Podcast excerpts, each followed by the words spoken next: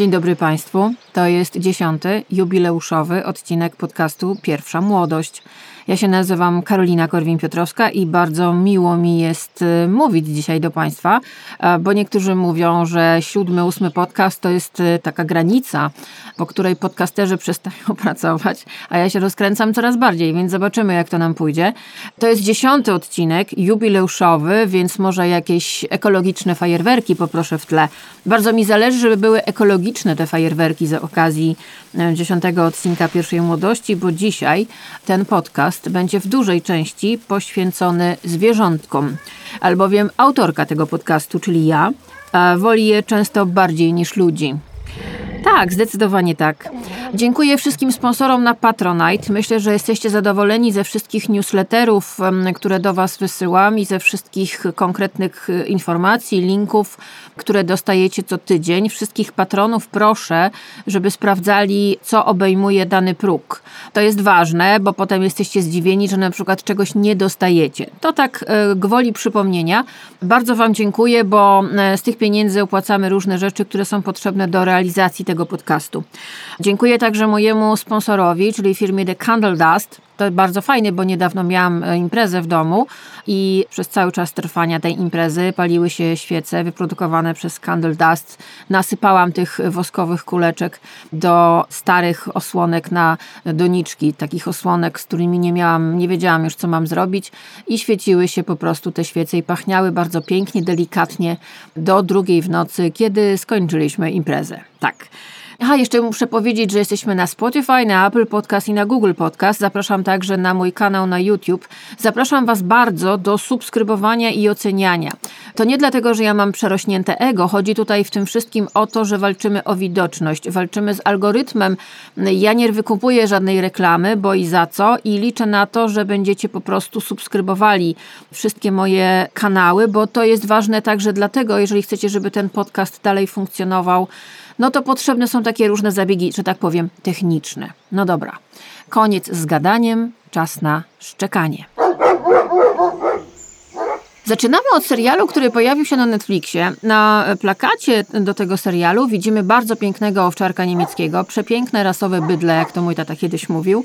Naprawdę przepiękny pies, ale mm, tytuł jest Miliony Guntera. No to proszę Państwa, posłuchajmy. A millionaire dog buying Madonna's mansion. What a story. Gunther, a German shepherd whose owner, a mysterious countess, died and left him $400 million. She gave everything to her dog, Gunther. O tym dokumencie jest bardzo głośno w mediach światowych. W Polsce nie wiem dlaczego jakoś tak średnio, ale głównie mm, Europa żyła tą historią, ale nie tylko Europa, ale także Stany Zjednoczone i nawet piosenkarka Madonna. Tak, proszę Państwa. Na plakacie do tego mm, serialu, który jest na Netflixie, który ma cztery odcinki. Ja od razu powiem, ja bym z tego zrobiła trzy bardziej zwarte. I jeżeli chcecie go oglądać, darujcie sobie w ogóle pierwszy, bo on jest generalnie bez sensu. Natomiast od drugiego tam się dzieją takie rzeczy, że ja nie wiem, jak mam o tym wam opowiedzieć, chociaż to nie jest podcast dla dzieci. Kim był Gunter? Kim jest Gunter? Hmm, no właśnie. Przede wszystkim Gunter, według przekazów medialnych, a tych jest bardzo dużo, był ukochanym pupilem hrabiny Karlotty von Liebenstein, bogatej niemieckiej dziedziczki. Kiedy zmarła, a nie miała ta pani e, żadnych żyjących krewnych, zapisała swojemu psu fortunę wartą 152 miliony marek. To jest, proszę Państwa, bardzo dużo pieniędzy. Kiedyś w Niemczech nie było euro, tylko były marki. No i okazuje się, że proszę Państwa, dzisiaj na świecie mamy Guntera VI, to jest potomek Guntera I i to jest pies, tak? Pies, który ma na koncie, ten pierwszy pies, mam nadzieję, że się tutaj niczym, niczym nie pomylę, ma 152 miliony marek. No i teraz, proszę Państwa, czy w tym wszystkim chodzi o psa? Otóż po obejrzeniu tego serialu wiem, że pies jest tylko przykrywką. To jest niesamowita opowieść, która tak naprawdę rzeczywiście zaczyna się w serialu Miliony Guntera od drugiego odcinka, która opowiada o tym, czym jest ludzka chciwość. Czym jest ludzka po prostu paranoja czym jest moment, kiedy ogromne pieniądze dostają się w ręce kogoś, kto powinien może nigdy nie dostawać takich pieniędzy, kto jest osobą, która cierpi na poważne zaburzenia psychiczne, o czym zresztą mówi w tym serialu, co nie jest bez wpływu na decyzje, jakie podejmuje, bo ze stanu manii, kiedy wymyśla e, rzeczy, które mają mm, zmienić ludzkość i na przykład rozmnażanie się i wytworzenie rasy panów, tak, tam są takie rzeczy, przechodzi nagle e, w czarną rozpacz, bo cierpi na chorobę afektywną dwubiegunową. E, jakby cały ten serial unurzany jest nie w historiach psich, praktycznie, tylko w historiach ludzkich, bowiem niejaki Mauricio Mian ma opiekę nad tym zwierzęciem i on jest jakby dysponentem ogromnych pieniędzy, które zapisane są w testamencie na owego Guntera. E, no i ten pan zaczął w pewnym momencie, a były to lata 80., werbować ludzi według bardzo konkretnych wskazówek, czyli mieli być to ludzie młodzi, o pięknych ciałach, pięknych fizjonomiach, y, lubiący się rozbierać, lubiący uprawiać seks, pić alkohol i bawić się do 6 rano. Chodziło o to, żeby wokół Guntera, tego psa, zaznaczam, cały czas mówimy jeszcze o psie, zrobić taką grupę ludzi, która miałaby w willi odkupionej od Madonny, tak proszę Państwa, bo w, 2000, w 2000 roku Gunter kupił, znaczy ten pan Mijan kupił willę, która kiedyś należała do Madonny, a mieściła się w Miami, no całkiem spora to była posiadłość. I tam w tej willi ci ludzie pod okiem kamer, o czym nie wiedzieli, mieli robić różne rzeczy. Rozumiecie coś z tego? No to taki trochę Big Brother. Pan Mauricio Mijan, bardzo sprytny pan, to jest ten pan, który cierpi na ową chorobę afektywną dwubiegunową, jest z bardzo bogatej rodziny. To jest e, człowiek, który majątek jego rodziny jest rzeczywiście oceniany bardzo wysoko, ale ten pan również pojawił się w kontekście różnych afer podatkowych we Włoszech, ale także e, na świecie. I z tego serialu, ja nie chcę Państwu za bardzo spoilerować, on przez te pieniądze Guntera, tego psa, a tak naprawdę nie chodzi tylko o psa, bo Gunter to też pewien człowiek, tak naprawdę. Człowiek, który chyba istniał, ale do końca nie mamy co do tego pewności, bo jego postać pojawia się w wypowiedziach pana Mijana. Otóż on dostaje te pieniądze i on przez tego psa, naprawdę, tam jest taka nawet infografika zrobiona, po prostu prał pieniądze. Otóż pies, naprawdę, pies Gunter stał się przykrywką do prania pieniędzy, ogromnych pieniędzy. I te wszystkie historie medialne, które pojawiają się, pojawiały się wokół tego psa, który latał prywatnym odrzutowcem, miał swojego y, własnego szefa kuchni, miał panią od PR-u, strasznie nadęta, taka bardzo dziwna. Miał różne dziwne osoby wokół niego. Mm, wszystkie kompletnie szalone, bo wiecie, że ludzie, te, i ten serial to pokazuje, że ludzie kompletnie wariują, kiedy widzą pieniądze. Puszczają wszelkie hamulce. Pieniądze i sława to są dwie rzeczy, które z ludzi robią wariatów po prostu. I to jest serial o wariactwie, autentycznie. Do tego jeszcze mamy y, y, osobę, która dystrybuuje ten majątek, y, zarządza nim i on, który sobie wymyśla, ten pan Mijan, że chce odnaleźć, uwaga, klucz do szczęścia, po prostu jak coache z Instagrama z 2023 roku.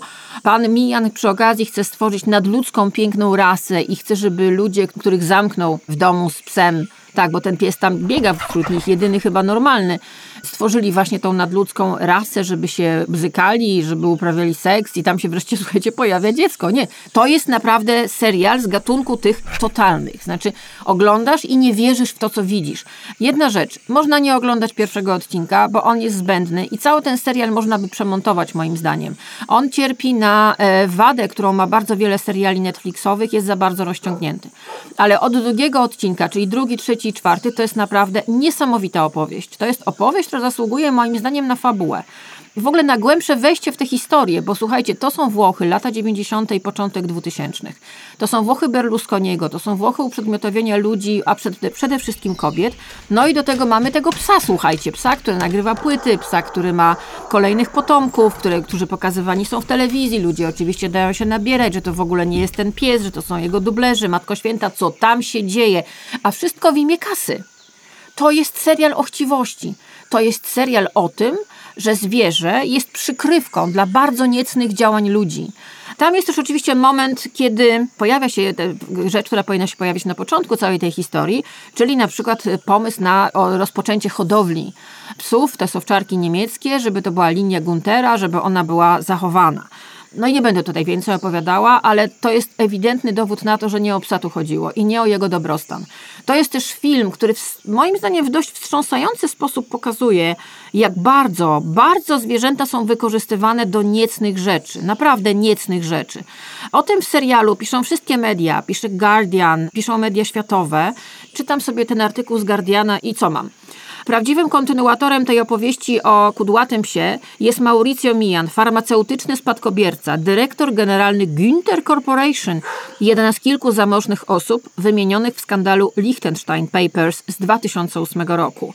Dzięki temu psu pan Mian jeździ żółtym Lamborghini, zakłada kluby, w których kobiety są zatrudniane ze względu na jędrność pośladków. Naprawdę. Znaczy, tam są momenty, gdzie naprawdę nie wiemy, co zrobić z oczami.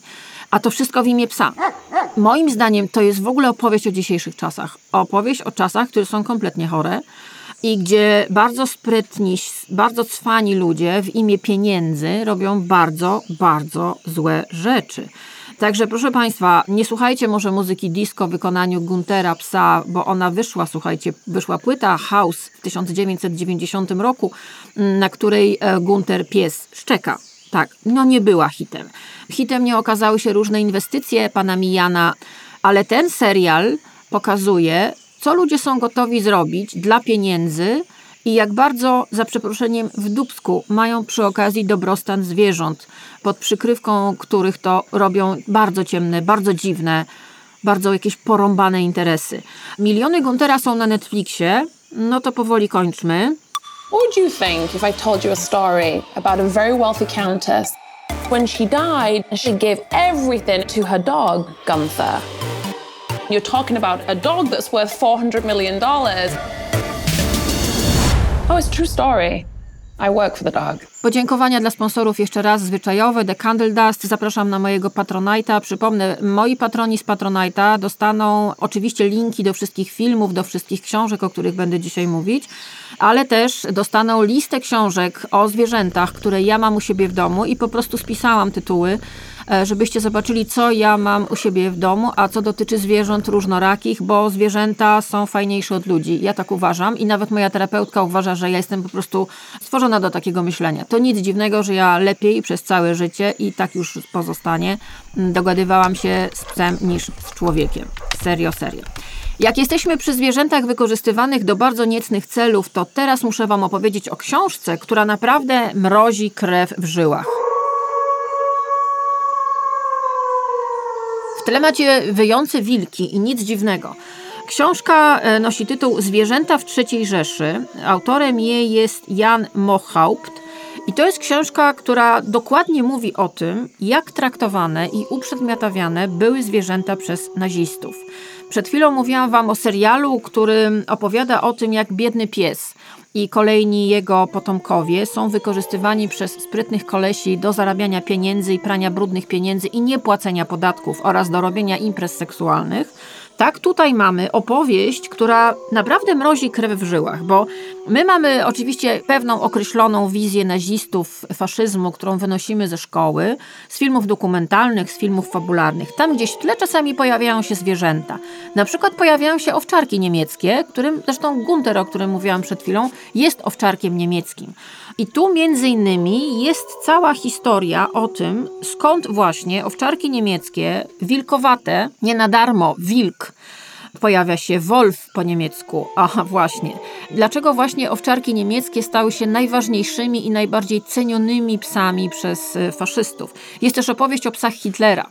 Ja czasem jak chcę być bardzo złośliwa, a wiecie, że potrafię, jak ktoś na przykład mówi o kimś, że nie wiem, jest niefajny, ale lubi zwierzątka, ja na to mówię, Hitler też kochał swojego psa. Bo to trochę tak jest. Hitler naprawdę kochał swoje psy, ale tu jest też cała historia o tym, ile tych psów było. I tutaj przeczytam Państwu cytat. To jest cytat z książki Zwierzęta w III Rzeszy. Mm, link do niej dostaną wszyscy patroni na Patronajcie. Uwaga. Miał ich wiele, to mowa o psach. Nie można z całą pewnością stwierdzić, ile było ich ostatecznie, ponieważ źródła w tym przypadku są ze sobą sprzeczne. Ponadto Hitler kilku psom nadaje takie same imiona. Trzy samce nazywa Wolf, a trzy suki Blondi. Bywają okresy, że ma trzy psy jednocześnie. W latach 22-45 mogło to być w sumie około 13 zwierząt, z jednym wyjątkiem same owczarki niemieckie. Tym wyjątkiem był jamnik. Pomijane są w tej rachubie psy, którymi obdarowywał członków partii i towarzyszy z powodu specjalnych okazji. Bowiem uwaga, tak jak Putin, Hitler lubił obdarowywać swoich popleczników psami, szczeniakami psów. Putin też rozdawał szczeniaki różnych ras, szczególnie tych silnych, takich bardzo mocnych, które wyrastały na, praktycznie na cielaczki. Dalej cytat z książki pod tytułem Zwierzęta w III Rzeszy. Hitler sam siebie określa mianem miłośnika zwierząt. Jednakże powstaje pytanie, czy rzeczywiście był miłośnikiem psów w prawdziwym tego słowa znaczeniu. Pies to najczęściej używane przez niego wyzwisko, obojętne, czy wypowiada je w złości podczas swoich nocnych monologów, czy też gdy grozi swoim wrogom. No i proszę Państwa, to jest opowieść o tych psach. Mamy też opowieść o Geringu i o jego polowaniach, między innymi na terenie Białowieży i w ogóle skąd y, w, w nazistach taka słabość do polowań i do zabijania jeleni między innymi, proszę Państwa. Skąd u nazistów taka ogromna słabość do koni? Ja też o tym nie wiedziałam. Czyta się tę książkę i po prostu krew mrozi. Książka, przypomnę, Zwierzęta w III Rzeszy, kolejny fragment a propos Geringa. Podczas gdy w Białowieży na rozkaz Geringa trwa polowanie na ludzi, sam łowczy Rzeszy w swoim rewirze w Puszczy Romińskiej koncentruje się na rzeczy jego zdaniem najważniejszej polowaniu na jelenie. Jego zachłanność na coraz większe trofea nie zna granic. Dąży do celu, który łączy wielu myśliwych upolowania swojego życiowego jelenia. Tak nazywany jest najpotężniejszy osobnik, którego zastrzelenie jest celem całego ich życia i ukoronowaniem myśliwskiej drogi. I jeszcze coś. Jest o tym, dlaczego Żydom zabroniono zwierząt. Cała opowieść o tym, jak Żydów pozbawiono także tego, żeby mogli mieć zwierzęta. Cytat. Zakaz posiadania zwierząt domowych jest kolejnym krokiem na drodze do całkowitego pozbawienia Żydów wszelkich praw w Niemczech. Po zarządzeniach, które systematycznie usuwały ich z życia publicznego i jednocześnie zakazywały opuszczania kraju, oznaczał on kolejną ingerencję w ich codzienność, z której wkrótce nie pozostanie już nic. Z powodu wywłaszczeń i przymusowych przeprowadzek do domów żydowskich prawie niemożliwa jest też ucieczka w sferę prywatną. Zakaz dotyczący zwierząt domowych jest ukierunkowanym atakiem na jedną z ostatnich ostoi. Zwierzęta domowe nie mogły odgrywać roli politycznej, jak powiedziała później żyjąca w Berlinie kobieta, która była świadkiem tamtych czasów. Ale dla wielu było to jedyne żywe stworzenie, które po przymusowej pracy witało ich jeszcze radośnie w domu. Kiedy zwierzęta odeszły, a znajome głosy ucichły, czy to uderzanie łapami po drewnianej podłodze, czy drapanie pazurami o skórzaną sofę, dom stracił sens. Ta książka w ogóle co stronę daje nam jakieś, dla mnie to były w ogóle jakieś fajerwerki, ale tu jest też historia o tym, dlaczego Niemcy nie lubili kotów. Hmm? No właśnie. I dlaczego nie było tam bezpańskich zwierząt? Proszę Państwa, to jest wstrząsająca rzecz. O tym, jak zwierzęta są wykorzystywane do polityki. Nam się wydaje, że to jest gdzieś w tle. Nie, nie, nie. Zresztą żyjemy w takim kraju, przypomnę, piątka dla zwierząt, aha, mi prawa zwierząt są bliskie, a okazuje się, że rządy totalitarne bardzo kochają zwierzątka, ale bardzo konkretne zwierzątka. Dlatego ta książka Zwierzęta w III Rzeszy jest bardzo ważną pozycją, bo to jest książka absolutnie uniwersalna. Dowiemy się z niej innymi, dlaczego konie odgrywały tak wielką rolę w ideologii nazizmu i co symbolizowały na przykład wówczas świnie. Tak, bardzo ważna, bardzo potrzebna książka. A teraz, proszę Państwa, czas na film, który po prostu rozrywa serce, który jest e, polskim kandydatem do Oscara, który jest nominowany do Oscara. Zresztą, co ja będę tutaj gadać? Ta historia zaczyna się tak.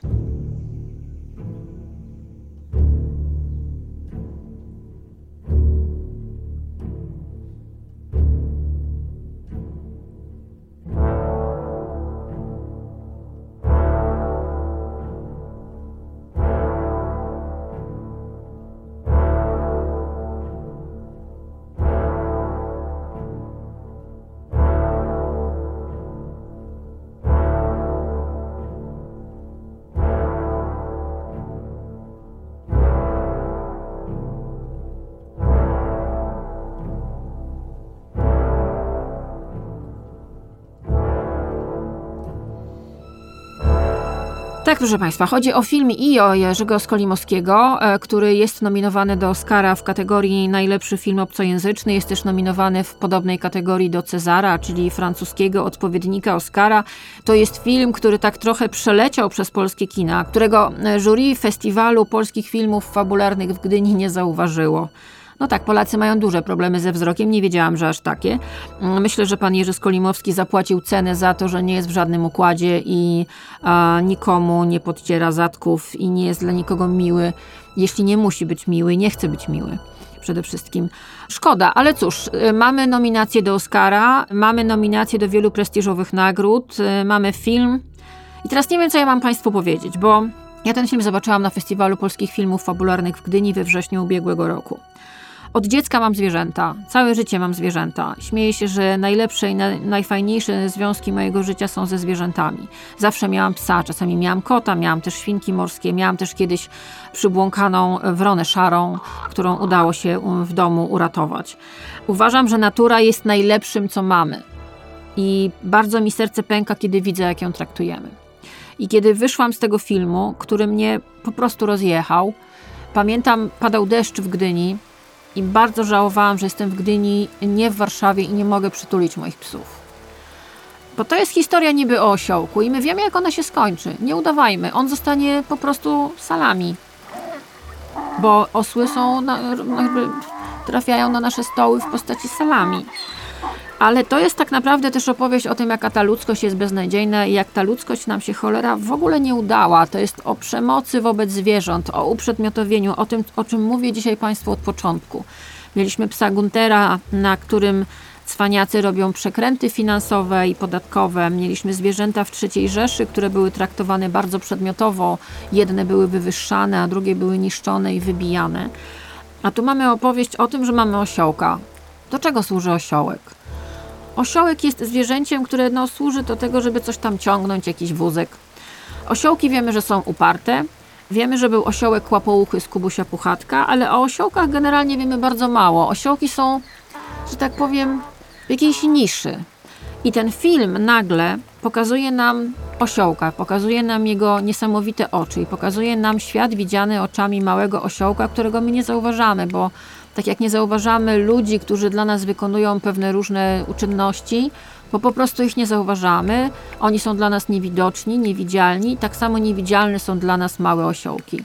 Małe osiołki, które hmm, kochają, czują, tęsknią, patrzą się, potrafią się zbuntować. Małe osiołki, które lądują na naszych stołach, na naszych talerzach w postaci salami.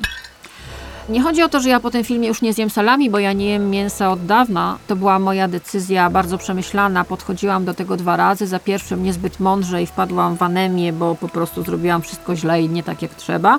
Ale potem z pomocą lekarza, dietetyka i mądrych książek wiem, jak to robić, żeby dostarczać swojemu organizmowi wszystkie niezbędne do życia składniki. I to się da, proszę Państwa. Ten osiołek, którego my oglądamy na filmie IO Jerzego Skolimowskiego, w tle mamy muzykę z tego filmu Pawła Mykietyna. Ja Was zapraszam na YouTube, na kanał Pawła Mykietyna. Posłuchajcie sobie tej muzyki. To jest muzyka, jakiej w polskim kinie dawno nie było tak dobrej, tak przejmującej i tak bardzo e, opowiadającej to, co my oglądamy, bo oglądamy świat oczami osiołka, który z Polski, z cyrku, gdzie ma miłość swojego życia, swoją właścicielkę, która go kocha, tuli i nie uprzedmiotawia. On jest dla niej po prostu Io, czyli jest jej kolegą z pracy, jest, kocha go, dotyka go, tuli, całuje. Lubicie tulić, całować swoje zwierzęta? Mam nadzieję, że tak. I kiedy Io wyjeżdża z tego cyrku, nie będę wam mówiła dlaczego, ale to jest początek jego epopei, my wiemy, gdzie on skończy. My wiemy dokładnie, gdzie skończy się ta droga. Po drodze, podczas epopei IO przez całą Europę, widzimy, jak ludzie są po prostu beznadziejni. Powiedziane jest to wszystko bardzo emocjonalnie i za te emocje panu Skolimowskiemu bardzo dziękuję, bo i też nienachalnie. Może dlatego, że widzimy ten świat oczami osiołka, może dlatego, że nikt nas emocjonalnie nie szantażuje. Po prostu widzimy ten świat oczami osiołka. Widzimy ten świat, który jest zły, pełen przemocy, pełen zła. Widzimy ludzi, którzy są jak egoistyczne bestie. Widzimy ludzi, którzy zniewalają zwierzęta, niszczą lasy, niszczą wodę, budują fabryki, budują kolejne bezsensowne budynki, a nie potrafią zadbać o to, co jest najbliżej ich. nie potrafią zadbać o bliźniego, nie potrafią zadbać o kogoś, kto tak naprawdę bardzo potrzebuje ich pomocy i bez którego oni nie żyją. To jest opowieść o duszy zwierząt. Na długo zanim to się stało modne, uważałam, że moje zwierzęta czują, myślą i że mają duszę. Pamiętam kiedyś na religii, bo potem mnie wyrzucono z tej religii, narysowałam pieska mojego i powiedziałam, że mój piesek pójdzie do nieba. Stałam w łeb od, od pani katechetki. No i potem moja mama przyszła i zabrała mnie z tej religii, bo jeszcze do tego narysowałam Jezusa w kwiatki, to już w ogóle nie podchodziło pod y, doktrynę katolicką. Nie miałam i nie mam wątpliwości co do tego, że zwierzęta czują, myślą, mają duszę i mam nadzieję, że pójdą do dobrego psiego nieba i będą sobie tam biegały z innymi zwierzętami. Czy ludzie pójdą do nieba? No nie wiem, mam wątpliwości. To jest wspaniały film, proszę Państwa. Wiem, że on jest jeszcze w kinach, niektórych. Jeżeli nie wiecie, jak go znaleźć, wpiszcie po prostu w Google IO kina i tam Wam coś wyskoczy. Poza tym wszedł już na VOD. Patroni na Patronajcie dostaną linki do wszystkich możliwych VOD, gdzie można obejrzeć IO, bodaj od chyba 14 zł to kosztuje, 14,99 czy coś takiego. Ale proszę Państwa, bardzo warto to zobaczyć. Ja znam jedną osobę, która po tym filmie przeszła na wegetarianizm. Zrobiła to po prostu od razu, no, bo nie była w stanie, bo nagle zrozumiała w tym filmie, w którym nikt nie epatuje krwią. W tym filmie, w którym słyszymy różne rzeczy, wydaje nam się, że je widzimy i który gra na naszych emocjach. I widzimy piękne obrazy, wspaniałe zdjęcia Michała Dymka. Nikt nie epatuje krwią, nie pokazuje nam rzeźni. Notabene świetne jest to zdanie, które bodaj powiedział McCartney, że gdyby rzeźnie miały szklane ściany, to nikt nie jadłby mięsa. Bo tak by było. Ale ta osoba, o której mówię wam, po prostu wyszła z kina i stwierdziła, że nie będzie więcej jadła mięsa. I nie je tego mięsa. Zapytałam ją wczoraj, dalej nie je mięsa, nie jest w stanie jeść mięsa. Bo ten film też uświadamia, jaką drogę przechodzi e, na stół ten nasz kotlecik, ta nasza kanapeczka, to nasze mięsko, bez którego niektórzy z nas nie wyobrażają sobie życia. Ja nie chcę was tu szejmować, nie chcę was wytykać palcem, po prostu zobaczcie ten film. Bo myślę, że to jest rzadko spotykana w dzisiejszym głupim, płaskim, dość beznadziejnym według mnie świecie. To jest sposób opowiedzenia historii oczami zwierzęcia. A my się w ogóle nie zastanawiamy, co one czują. No to po IO będziemy wiedzieli. I myślę, że to nie dotyczy tylko osiołków, notabene było ich kilka. Są wspaniałe te osiołki, ale dotyczy to wszystkich zwierząt, które są wokół nas. Tak jak Wam mówię, ja wyszłam z kina w Gdyni po obejrzeniu tego filmu we wrześniu ubiegłego roku i jedyne czego żałowałam, że nie mogę przytulić moich psów. Chciałam dotknąć tej sierści, tego nosa i tych łap brudnych i powąchać brzuszki. Bardzo chciałam. Bardzo chciałam im powiedzieć, że bardzo je kocham. I że są najważniejsze w moim życiu. Naprawdę, bo tak jest. Bo one są najważniejsze w naszym życiu. No to jeszcze może trochę muzyki Pawła Mykietyna.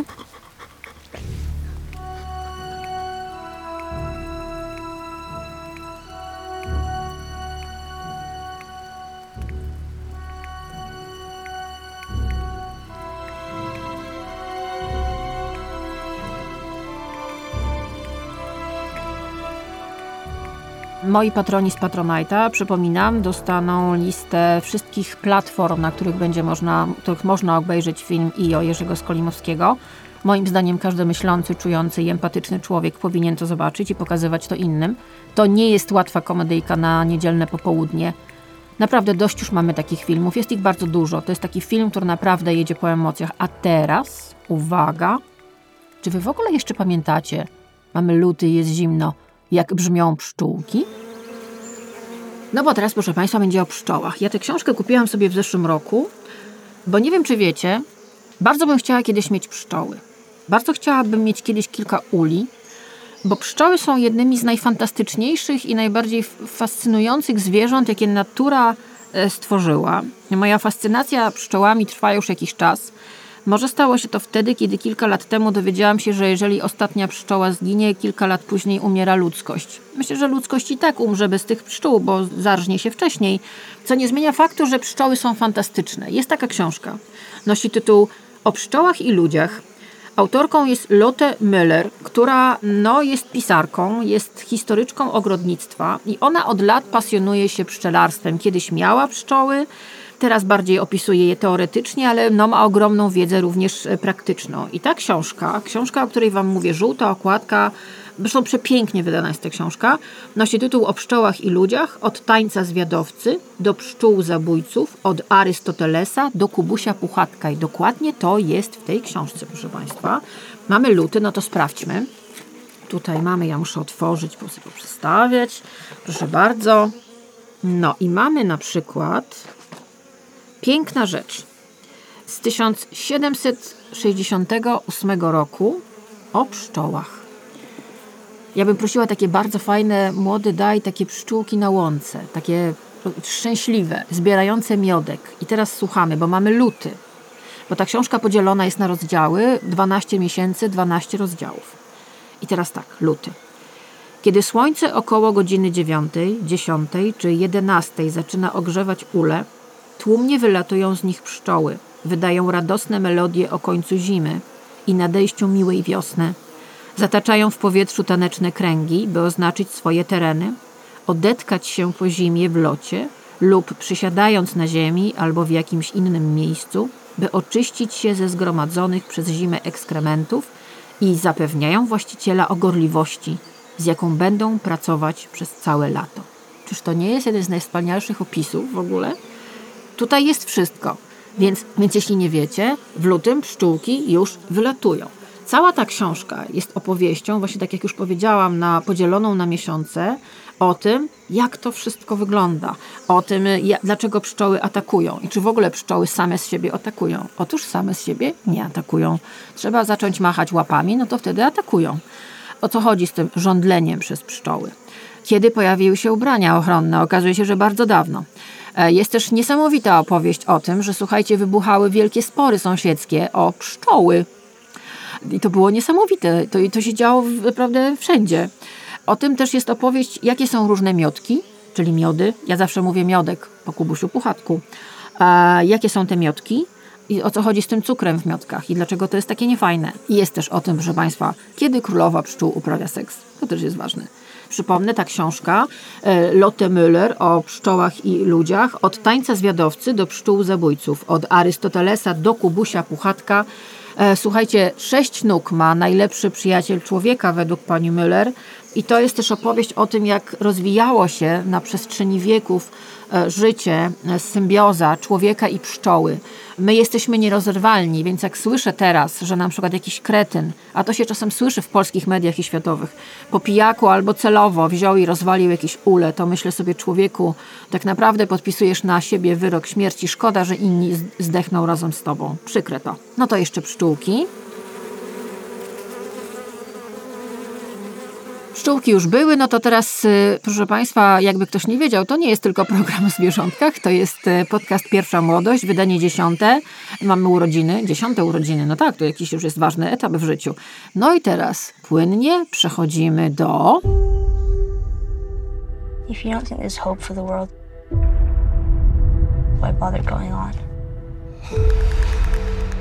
You haven't seen the world, so you don't know. Keep going for family. I'm not family. No? Cargo. No wszyscy o tym mówią, proszę Państwa. Cały świat o tym mówi. Serial The Last of Us, obecny na HBO, tam wyjątkowo jest o grzybkach. Notabene zabawne jest to, że teraz masowo ludzie w Google wyszukują hasło, czy rzeczywiście grzyby są w stanie zabić człowieka. Wspaniałe, to jest genialne.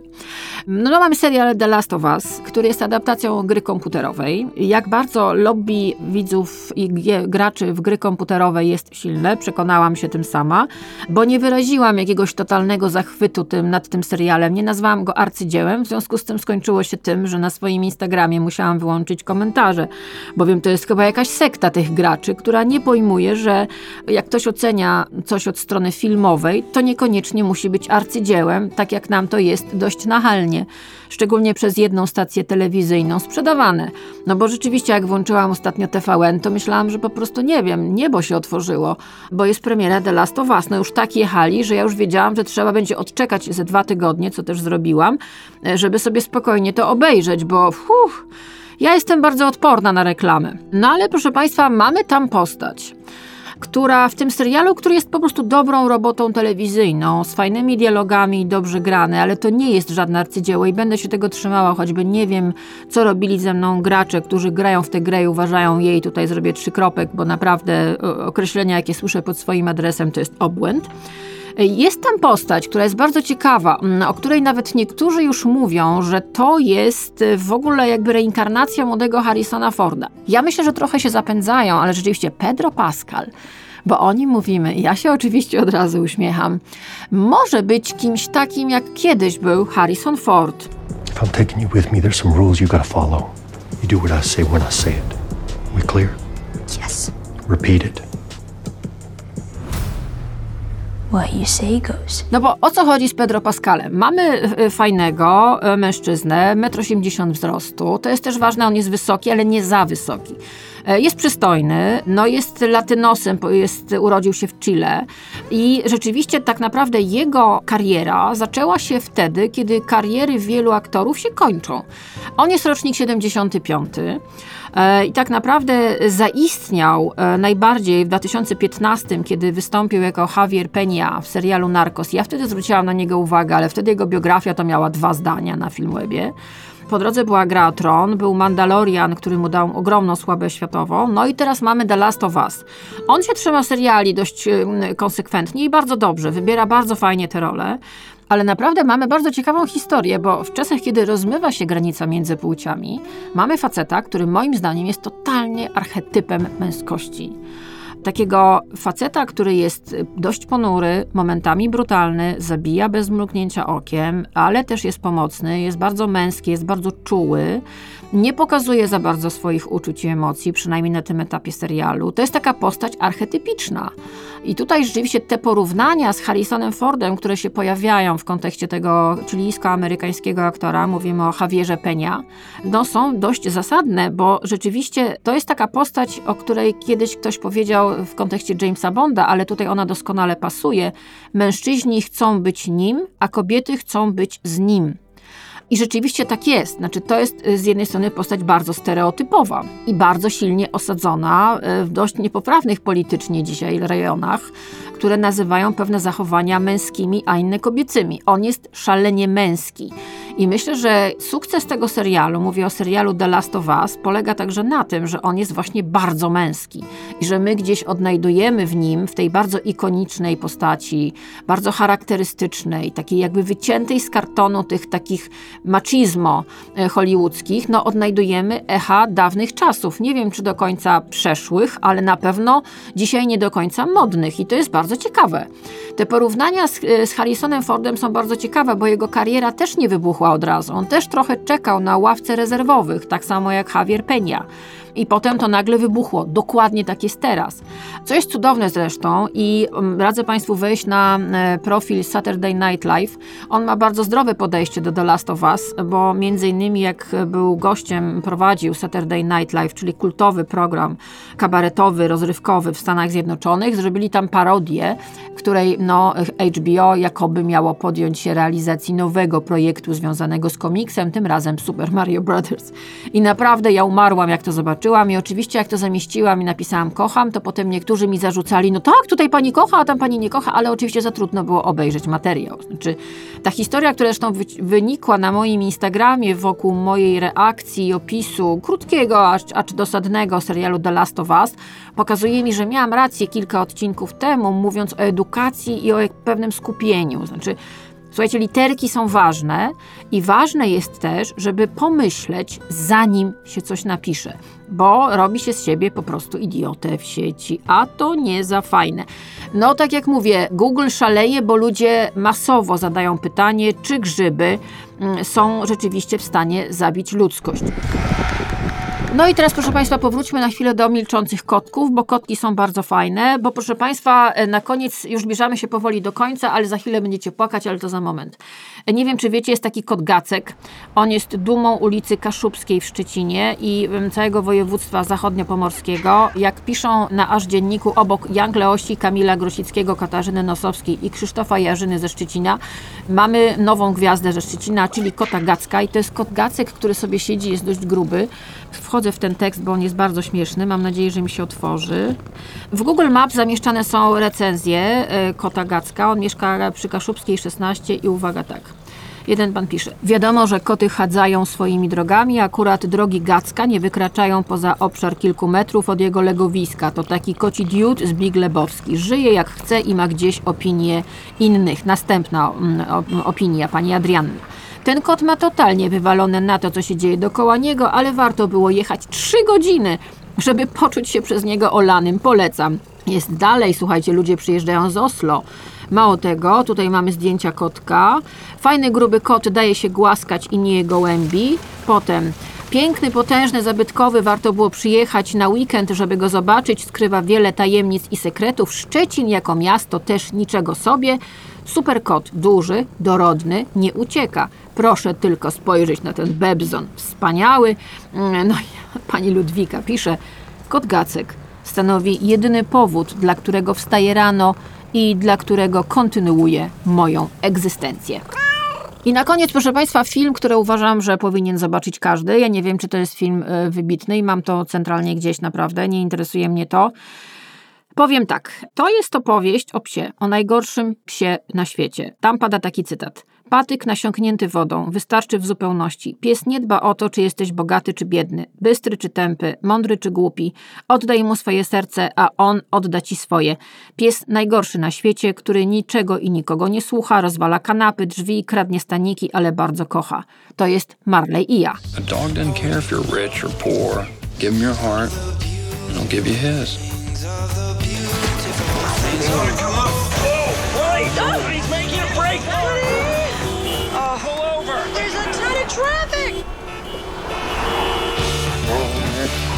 Marley and me.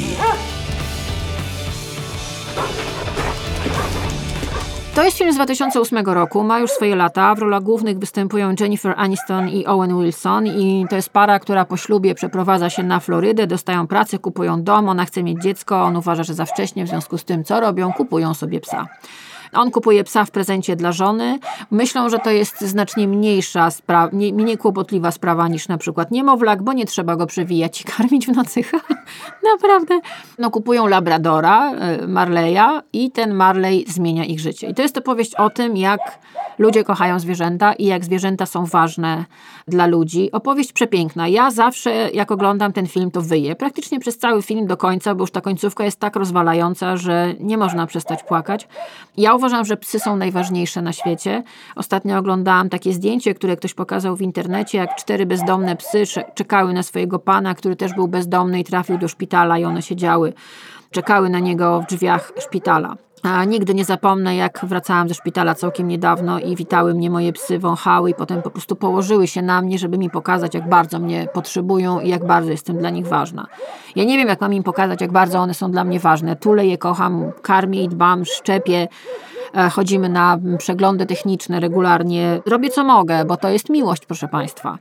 To jest jedyna bezinteresowna miłość na świecie. Mówię, mówię Wam to z perspektywy osoby, która już trochę przeżyła i która, jak ogląda film Marley i ja, zrobiony w 2008 roku, czuje się, jakby miała 13 lat, bo wtedy umarł mój pierwszy pies i ja to widziałam. Nigdy nie powinna była tego zobaczyć, no ale cóż, potem się człowiek pojawiał terapeuty i przerabiamy to. Życzę Wam teraz, żebyśmy, żebyście się popłakali i jeżeli nie znacie filmu Marley i ja, bo dzisiaj cały odcinek jest o zwierzętach, prawie cały jest o zwierzętach, bo uważam, że zwierzęta w jubileuszowym, dziesiątym odcinku pierwszej młodości to jest coś, na co sobie mogę pozwolić. Zwierzęta są dla nas ważne. Zwierzęta pokazały nam na przykład w pandemii, psy nam pokazały w pandemii, jak bardzo są ważne, bo były też takim paszportem na wolność. Ja sobie latałam po pustej Warszawie i mogłam chodzić z psami na spacer.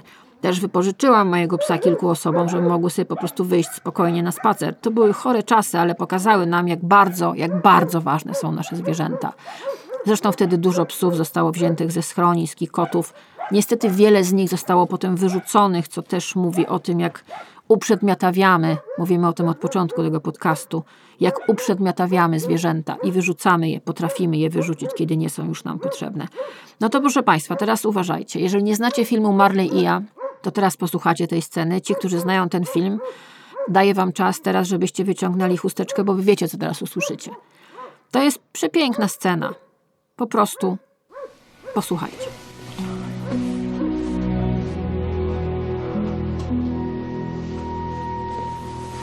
It's okay.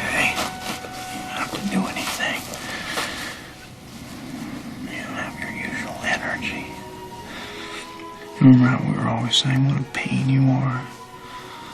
You're the world's worst dog. Don't believe it. Don't believe it even for a minute. Because you know we couldn't find a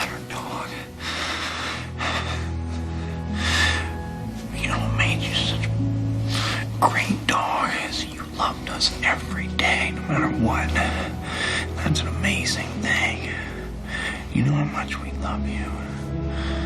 Love you so much. love you more than anything. I don't know exactly where we go from here. I want you to remember you're a great dog, Marley. You're a great dog.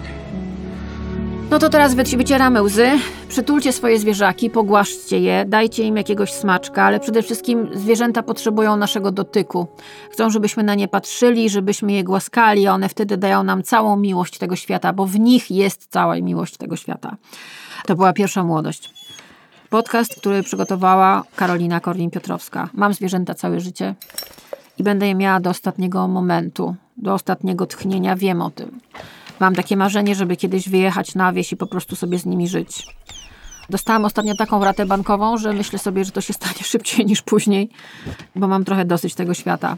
I w momentach, kiedy mamy dosyć tego świata, a ja mam bardzo często, z bardzo wielu powodów, zwierzęta, zapach ich sierści, ten zimny nos, to spojrzenie, samo to, że się przytulają w nocy i czujecie to ciepełko na plecach albo na brzuchu, to zależy, bo moje to się kładą na mnie po prostu. Wtedy myślicie sobie, cokolwiek się stanie, są one. Bo wiecie, ludzie nas zostawią. Pewnym momencie będziemy sami. I czasami jedyną rzeczą, jedyną ciepłą, miłą, żywą istotą, która będzie z nami, będzie nasz pies, kot, ptak, świnka morska, królik, co tam kto ma. No więc proszę Państwa, jeszcze raz, jakoś nie mogę się rozstać dzisiaj z Wami. Ciekawe dlaczego. To była pierwsza młodość, którą przygotowała i prowadziła Karolina Korwin-Piotrowska. Bardzo dziękuję wszystkim sponsorom na Patronite. Zapraszam na mojego Patronite'a. Zapraszam do, do słuchania na Spotify, na Apple Podcast i na Google Podcast. Bardzo ważne jest, żebyście subskrybowali pierwszą młodość i oceniali ją. To nie chodzi o to, że ja mam jakieś wyolbrzymione ego. To też pewnie trochę mam, ale e, chodzi o to, że walczę o, wido- o widoczność, o widzialność, walczę z algorytmem. To nie jest takie proste. Nie mam wielkiej machiny reklamowej za sobą, aczkolwiek miło jest, kiedy widzę swój podcast w pierwszej dziesiątce najlepszych w Polsce. To jest super. Bardzo się z tego cieszę. Dziękuję Wam za to. Bardzo dziękuję moim patronom, The Candle Dust. Oni też są patronem e, tego podcastu, bo wiem, że kochają zwierzęta. Kiedy się spotkaliśmy i mieliśmy okazję porozmawiać w realu, pokazywaliśmy sobie zdjęcia swoich piesków. To są bardzo fajni ludzie i dlatego są patronem, są sponsorem tego podcastu. Wejdźcie na ich profil na Instagramie The Candle Dust. Bardzo Was do tego zapraszam i skłaniam. Jeszcze chciałam powiedzieć, że wydawcą podcastu jest Mateusz Nowosad. On to wszystko montuje i układa, a nagrywaliśmy w studiu Silent Scream. I na koniec, proszę Państwa, kabaret Elita. Jan Kaczmarek i Jerzy Skoczylas. To jest taka piosenka, która była jedną z piosenek mojego dzieciństwa, młodości i dorastania. Przygotowując ten podcast, znowu ją odkopałam i pomyślałam sobie, Boże, jakie to jest piękne, jakie to jest proste, jakie to jest mądre. Kochajcie swoje zwierzęta, bądźcie odpowiedzialni. Pamiętajcie, jesteście dla nich całym światem. Ostatnio to powiedziała mojej koleżance, która ma problem z tym, że nie może zostawiać swojego psa w domu, bo on płacze. Ja jej powiedziałam, słuchaj, pamiętaj, jeżeli wychodzisz z domu, to on myśli, że ty już nie wrócisz.